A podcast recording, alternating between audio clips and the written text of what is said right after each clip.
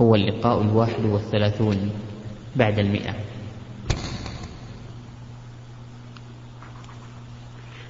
الحمد لله رب العالمين صلى الله وسلم على نبينا محمد وعلى آله وأصحابه ومن تبعهم بإحسان إلى يوم الدين. أما بعد فهذا هو يوم الخميس الثالث من شهر ربيع الأول عام سبعة عشر وأربعمائة وألف وهو يوم اللقاء الأسبوعي الذي يتم كل يوم خميس في كل أسبوع. في هذا اللقاء نود أن نتكلم عن مسألة اجتاحت العالم الإسلامي وهي لا أصل لها لا في القرآن ولا في السنة ولا في عمل الصحابة والتابعين ألا وهي الاحتفال بمولد النبي صلى الله عليه وسلم. فإن هذا الاحتفال قد عم وطم واعتقده بعض الناس دينا وشريعة بل ربما ظنه بعض الناس أنه من أوجب الواجبات وأنه لا تتم محبة الرسول صلى الله عليه وعلى آله وسلم إلا به.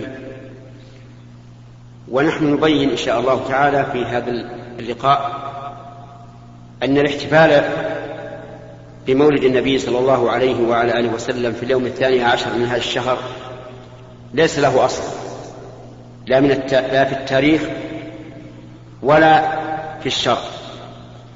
أما التاريخ فإنه لم يثبت أن النبي صلى الله عليه وسلم ولد في اليوم الثاني عشر.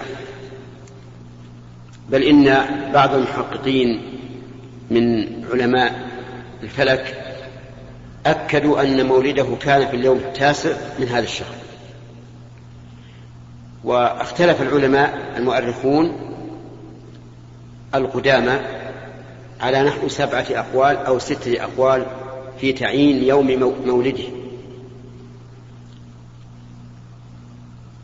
هذا من الناحية التاريخية أما من الناحية الشرعية فيقال إن الذين يقيمون هذا الاحتفال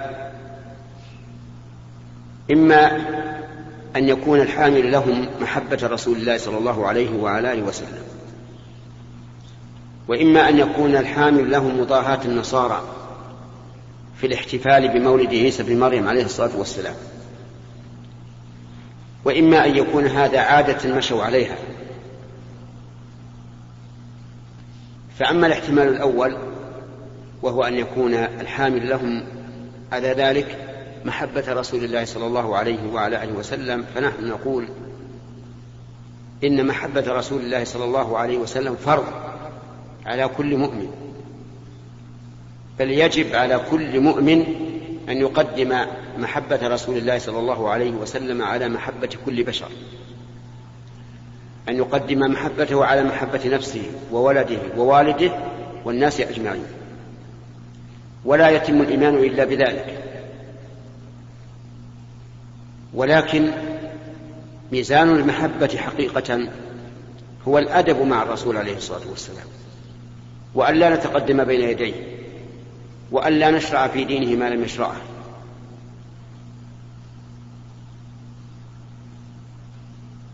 لأننا لو تقدمنا بين يديه لأسأنا الأدب.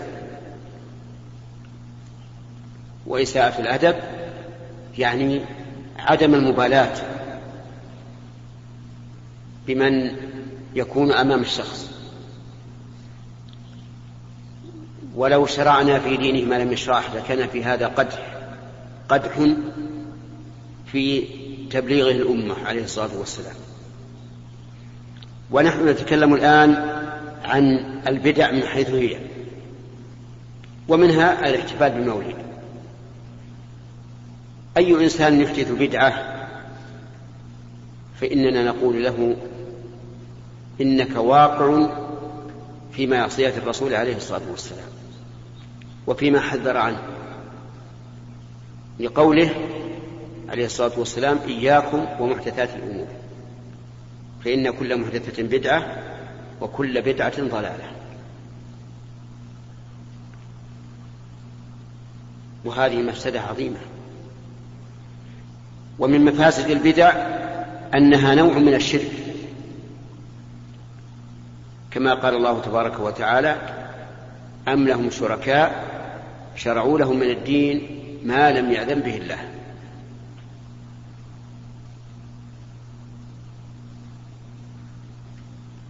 ولا يخفى أن الشرك لا يغفر كما قال الله تعالى إن الله لا يغفر أن يشرك به ويغفر ما دون ذلك لمن يشاء. وظاهر الآية الكريمة أن الشرك لا يغفر ولو كان أصغر. ومن مفاسد البدع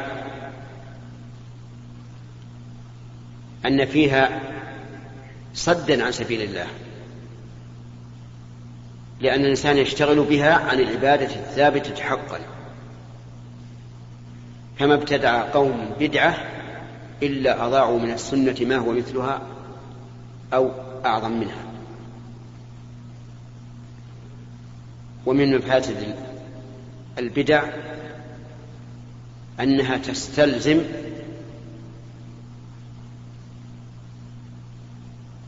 القدح بالرسول صلى الله عليه وسلم وأنه لم يبلغ ما أرسل به أو كان جاهلا به. وجه ذلك أننا إذا بحثنا في القرآن والسنة لم نجد هذه البدعة.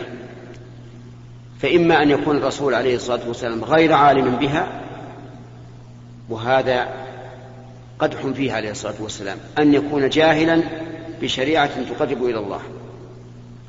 وإما أن يكون عالما لكن لم يبلغ الناس وهذا قدح فيه أيضا في أنه لم يبلغ ما أرسل إليه. ومن مفاسد البدع أنها تنافي قول الله تعالى اليوم أكملت لكم دينكم وأتممت عليكم نعمتي ورضيت لكم الإسلام دينا. لأن مقتضى المبتدع أن الدين لم إيش؟ لم يكن. لأننا لا نجد هذه البدعة في دين الله. وإذا كانت من دين الله على زعم هذا المبتدع وهي لم توجد فيه فإنها لا فإن الدين على زعمه لم يكمل.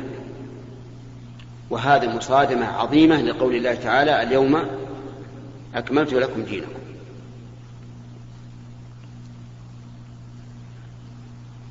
ومن مفاسد البدع أن مبتدعها نزل نفسه منزلة الرسول لأنه لا أحد يشرع للخلق ما يقرب إلى الله تعالى إلا من أرسله الله عز وجل. ولا نبي بعد محمد صلى الله عليه وعلى آله وسلم. فهذا الذي ابتدع كأنه يقول إنه آه نعم كأنه بلسان الحال يقول إنه يشرع للناس ما يقرب إلى الله. وهذا تعني أنه مشارك للرسول صلى الله عليه وسلم في الرسالة. ومن مفاسد البدع أنها قول على الله بلا علم. وهذا محرم بإجماع المسلمين. قال الله تبارك وتعالى قل إنما حرم ربي الفواحش ما ظهر منها وما بطن والإثم والبغي بغير الحق وأن تشركوا بالله ما لم ينزل به سلطانا وأن تقولوا على الله ما لا تعلمون.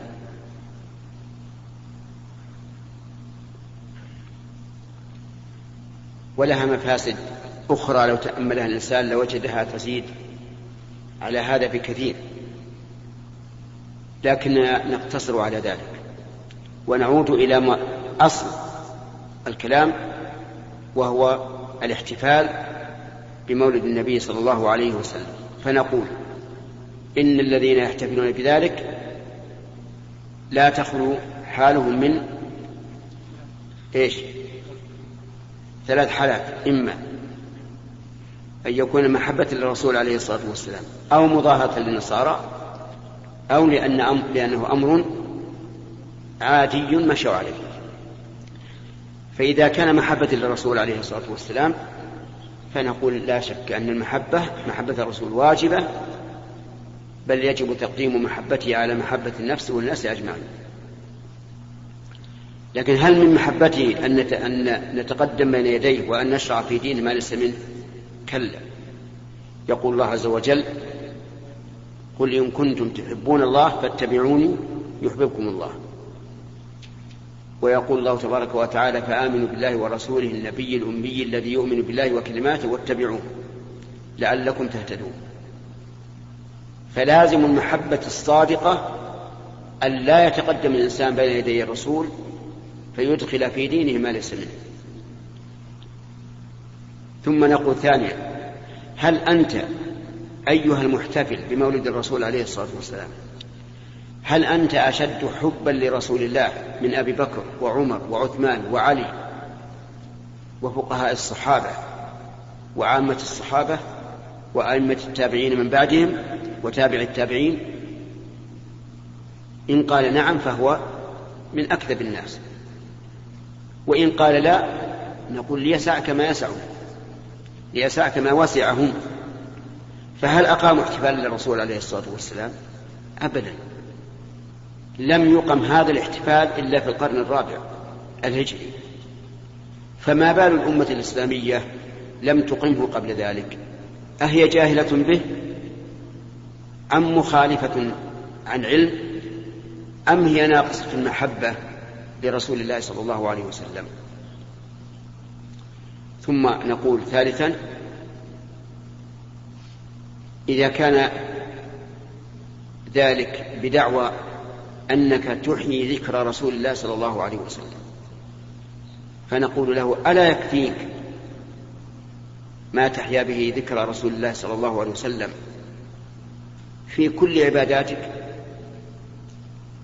كل عبادة فإنها إحياء لذكر الرسول عليه الصلاة والسلام. لأن كل عبادة شرطها الإخلاص والمتابعة للرسول عليه الصلاة والسلام. فإذا شعرت وأنت تتعبد لله تعالى بهذين الشرطين الإخلاص لله والمتابعة فإن هذا ذكر فإن هذه ذكرى للرسول عليه الصلاة والسلام. لكن مع الأسف أن كثيرا من الناس اليوم يتعبدون لله بالعبادات على أن هذا هو الأمر إيش؟ الجاري. قل من يتنبه إلى أنه يصلي إخلاصا لله ومتابعة لرسول الله أو يتطهر لذلك أو ما أشبه. وإلا فكل إنسان يشعر حين العبادة بالإخلاص والمتابعة للرسول فإن عبادته إيش؟ إحياء لذكر الرسول عليه الصلاة والسلام. ثم نقول إن الله شرع لعباده ما تكون به ذكرى رسول الله صلى الله عليه وسلم بما هو خير من هذا الذي تريد. خير وأعم وأشمل. فالمسلمون في كل صلاة مفروضة يعلنون إعلانا بأعلى ما يكون من الصوت أشهد أن لا إله إلا الله وأشهد أن محمدا رسول الله. في كل أذان وليس يقتصر على على ليلة من العام. بل كل العام. بل كل يوم. والمسلمون في كل صلاة يقولون أشهد أن لا إله إلا الله وأشهد أن محمدا عبده ورسوله. فهذا كاف. في إحياء ذكرى رسول الله صلى الله عليه وعلى آله وسلم. وهذا أعني اتباع الرسول صلى الله عليه وسلم والتقيد في سنته أكبر دليل على محبته. وكلما كان الرسول وكلما كان الإنسان للرسول أتبع كان له أحب. وكلما كان أحب فهو له أتبع. الثاني أن يفعلوا ذلك مضاهاة للنصارى. فنقول إن النصارى إن ثبت أنه قد شرع لهم أن يحتفلوا بمولد الرسول عليه الصلاة والسلام بمولد نبيهم عيسى عليه الصلاة والسلام إن ثبت ذلك فقد ورد شرعنا بخلافه فهل نأخذ بشريعة النصارى أو بشريعة محمد عليه الصلاة والسلام. الجواب الثاني بلا شك. وإذا قدر على الفرض الذي قد يكون محالا أنه من المشروع للنصارى أن يحتفلوا بميلاد المسيح عليه الصلاة والسلام فإن شريعتنا لم ترد بالاحتفال بمولد رسولنا صلى الله عليه وسلم. فكيف تتأسى بالنصارى في احتفالهم بمولد عيسى عليه الصلاة والسلام ولا تتأسى بأبي بكر وعمر وعثمان وعلي وفقهاء الصحابة وعامتهم وأئمة المسلمين من بعدهم. ليس هذا إلا جهل وسفه. وأما إذا كان على سبيل العادة وهو الاحتمال الثالث أنها عادة مشى الناس عليها فإن نقول العبادات لا تنقلب عادات باستمرار الناس عليها. ولو أننا أخذنا بذلك لكانت صلاتنا وصيامنا وحجنا وزكاتنا كلها عادات. ولا أحد يقول بهذا.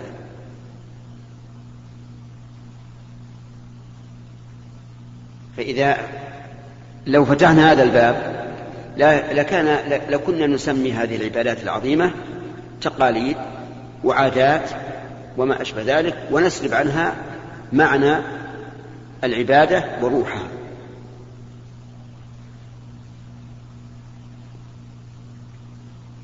ثم نقول هل العادات يحل, يحل فيها أن يذكر الإنسان رسول الله صلى الله عليه وسلم بما نهى عنه هو عليه الصلاة والسلام. الجواب لا. فهو عليه الصلاة والسلام نهى عن البدع وقال كل بدعة ضلالة ونهى عن الغلو فيه. والذي بلغنا أن هؤلاء الذين يحتفلون بعيد المولد الذي بلغنا أنهم يذكرون من الغلو في الرسول, في الرسول صلى الله عليه وسلم ما يصل إلى حد الشرك. نسمع أنهم يرددون ما قاله البوصيري في قصيدته. يرددون يا أكرم الخلق ما لي من ألوذ به سواك عند حلول الحادث العمم. إن لم تكن آخذا يوم المعاد يدي عفوا وإلا فقل يا زلة القدم.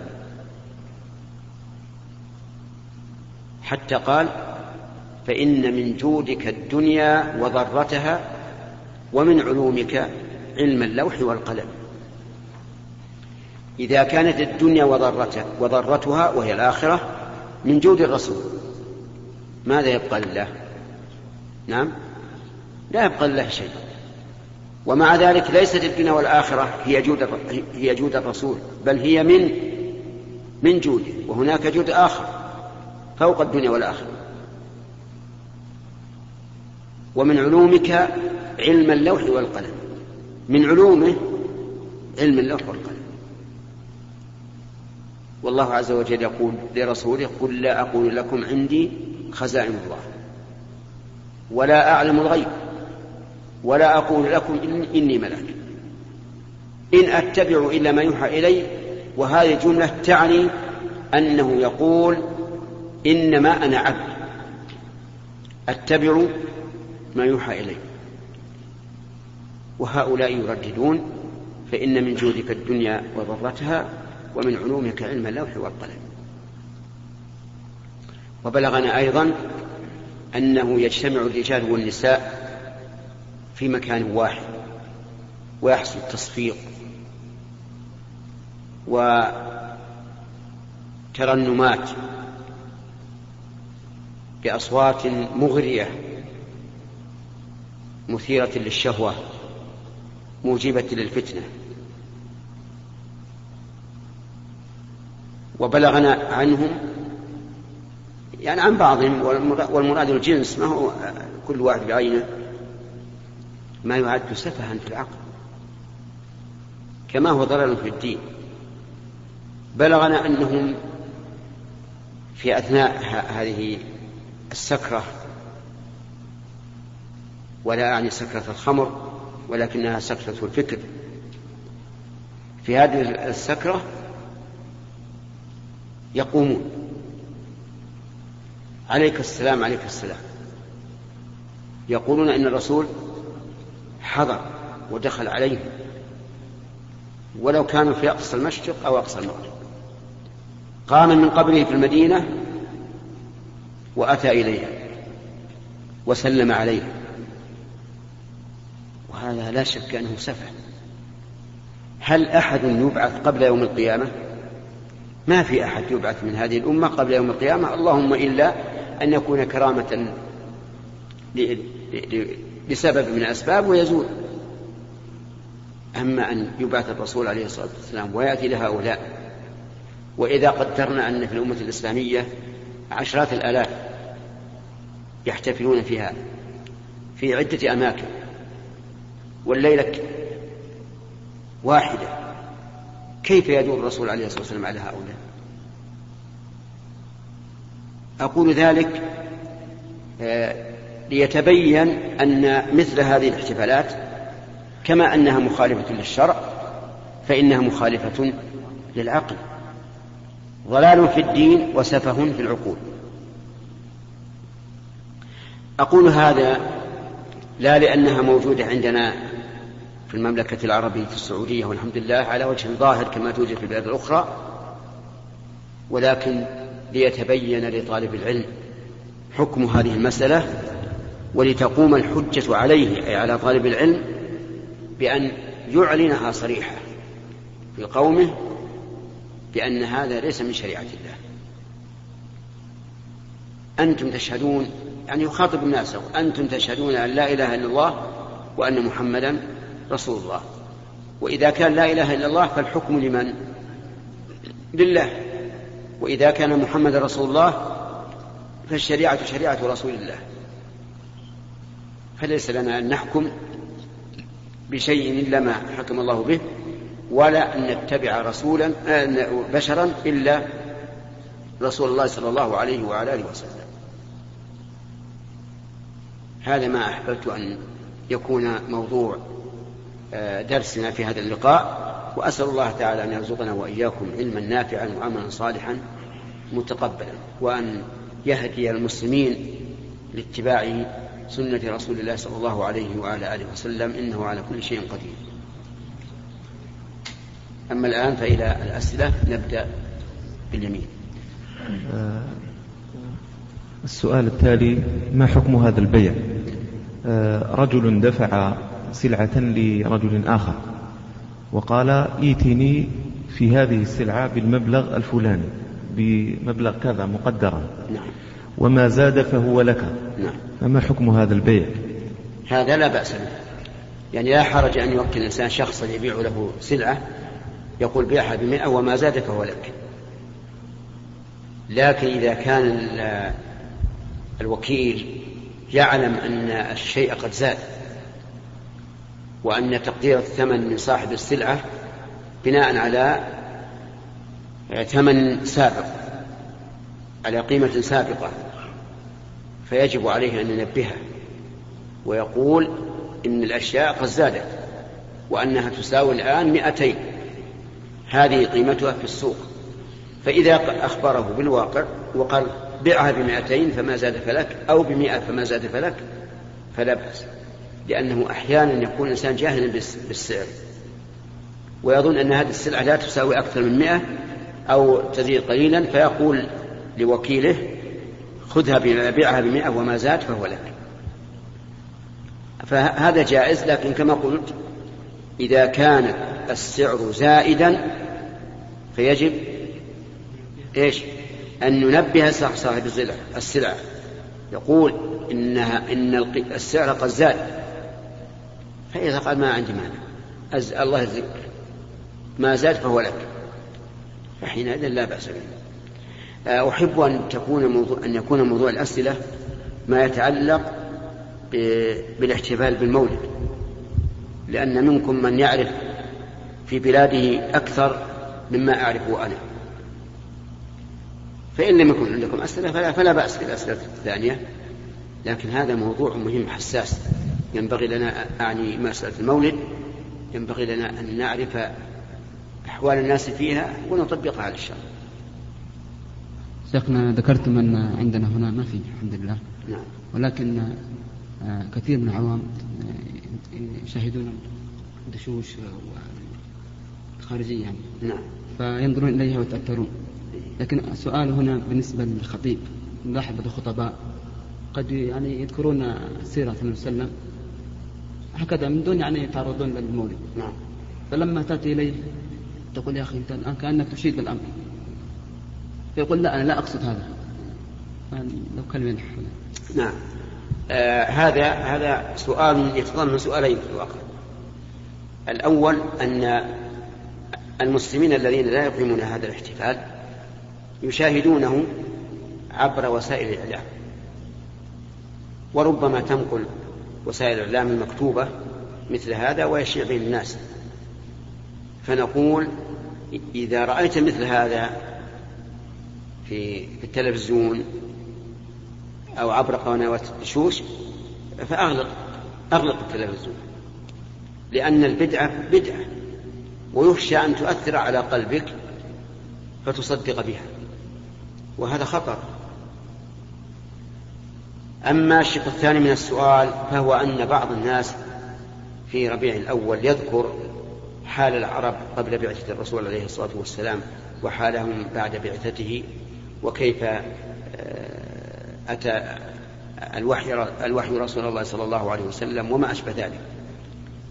وهذا ليس من الاحتفال بالمولد لماذا؟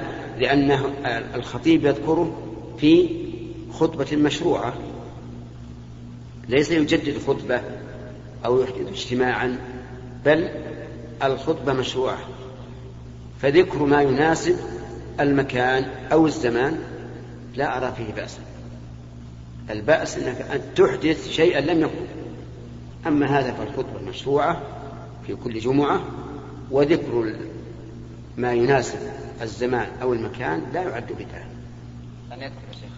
لا بأس يذكر مثلا كما أشرت إليه حال الناس قبل بعثة الرسول عليه الصلاة والسلام وحالهم بعد بعثته وكيف بعث عليه الصلاة والسلام ما في مانع.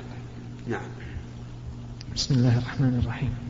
فإن الله تبارك وتعالى ذكر لفظة السبيل في القرآن الكريم بصيغة الإفراد كقوله سبحانه وأن هذا صراطي مستقيما فاتبعوه ولا تتبعوا السبل فتفرق بكم عن سبيله لأن السبيل الذي يوصل الموصل إلى الله تبارك وتعالى واحد وهو طريق رسوله صلى الله عليه وسلم إذ قال سبحانه قل هذه سبيلي أدعو إلى الله على بصيرة أنا ومن اتبعني. ولكن ذكر في مواطن أخرى في القرآن الكريم لفظة السبيل بصيغة الجمع كقوله سبحانه وتعالى والذين جاهدوا فينا لنهدينهم سبلنا وقوله وما لنا أن لا نتوكل على الله وقد هدانا سبلنا فكيف التوفيق يعني أو حل هذا الإشكال يا شيخ؟ الله يجزيكم خير. آه، السبيل المضاف إلى الله تعالى تارة يكون مفردا وتارة يكون جمعا. لكن إذا كان جمعا فإنه يكون مضافا إلى الله. وإذا كان مفردا نعم. إذا كان جمعا فإنه لا بد أن يكون مضافا إلى الله. أما إذا كان غير مضاف إلى الله فهو سبل الضلال. يفرد السبيل المضاف إلى الله تعالى لأنه واحد. سبيل واحد يوصل إلى الله وهو الإسلام. ويجمع وتجمع سبل الضلال لأنها متفرقة. هذا نصراني وهذا يهودي وهذا شيوعي وهذا بعثي وهذا ملحد إلى آخره. فهي سبل متفرقة وكلها ضلال. وما جمعه الله تعالى من من السبيل المضاف إليه فإنما يجمعه من فضلك. اقلب الشريط.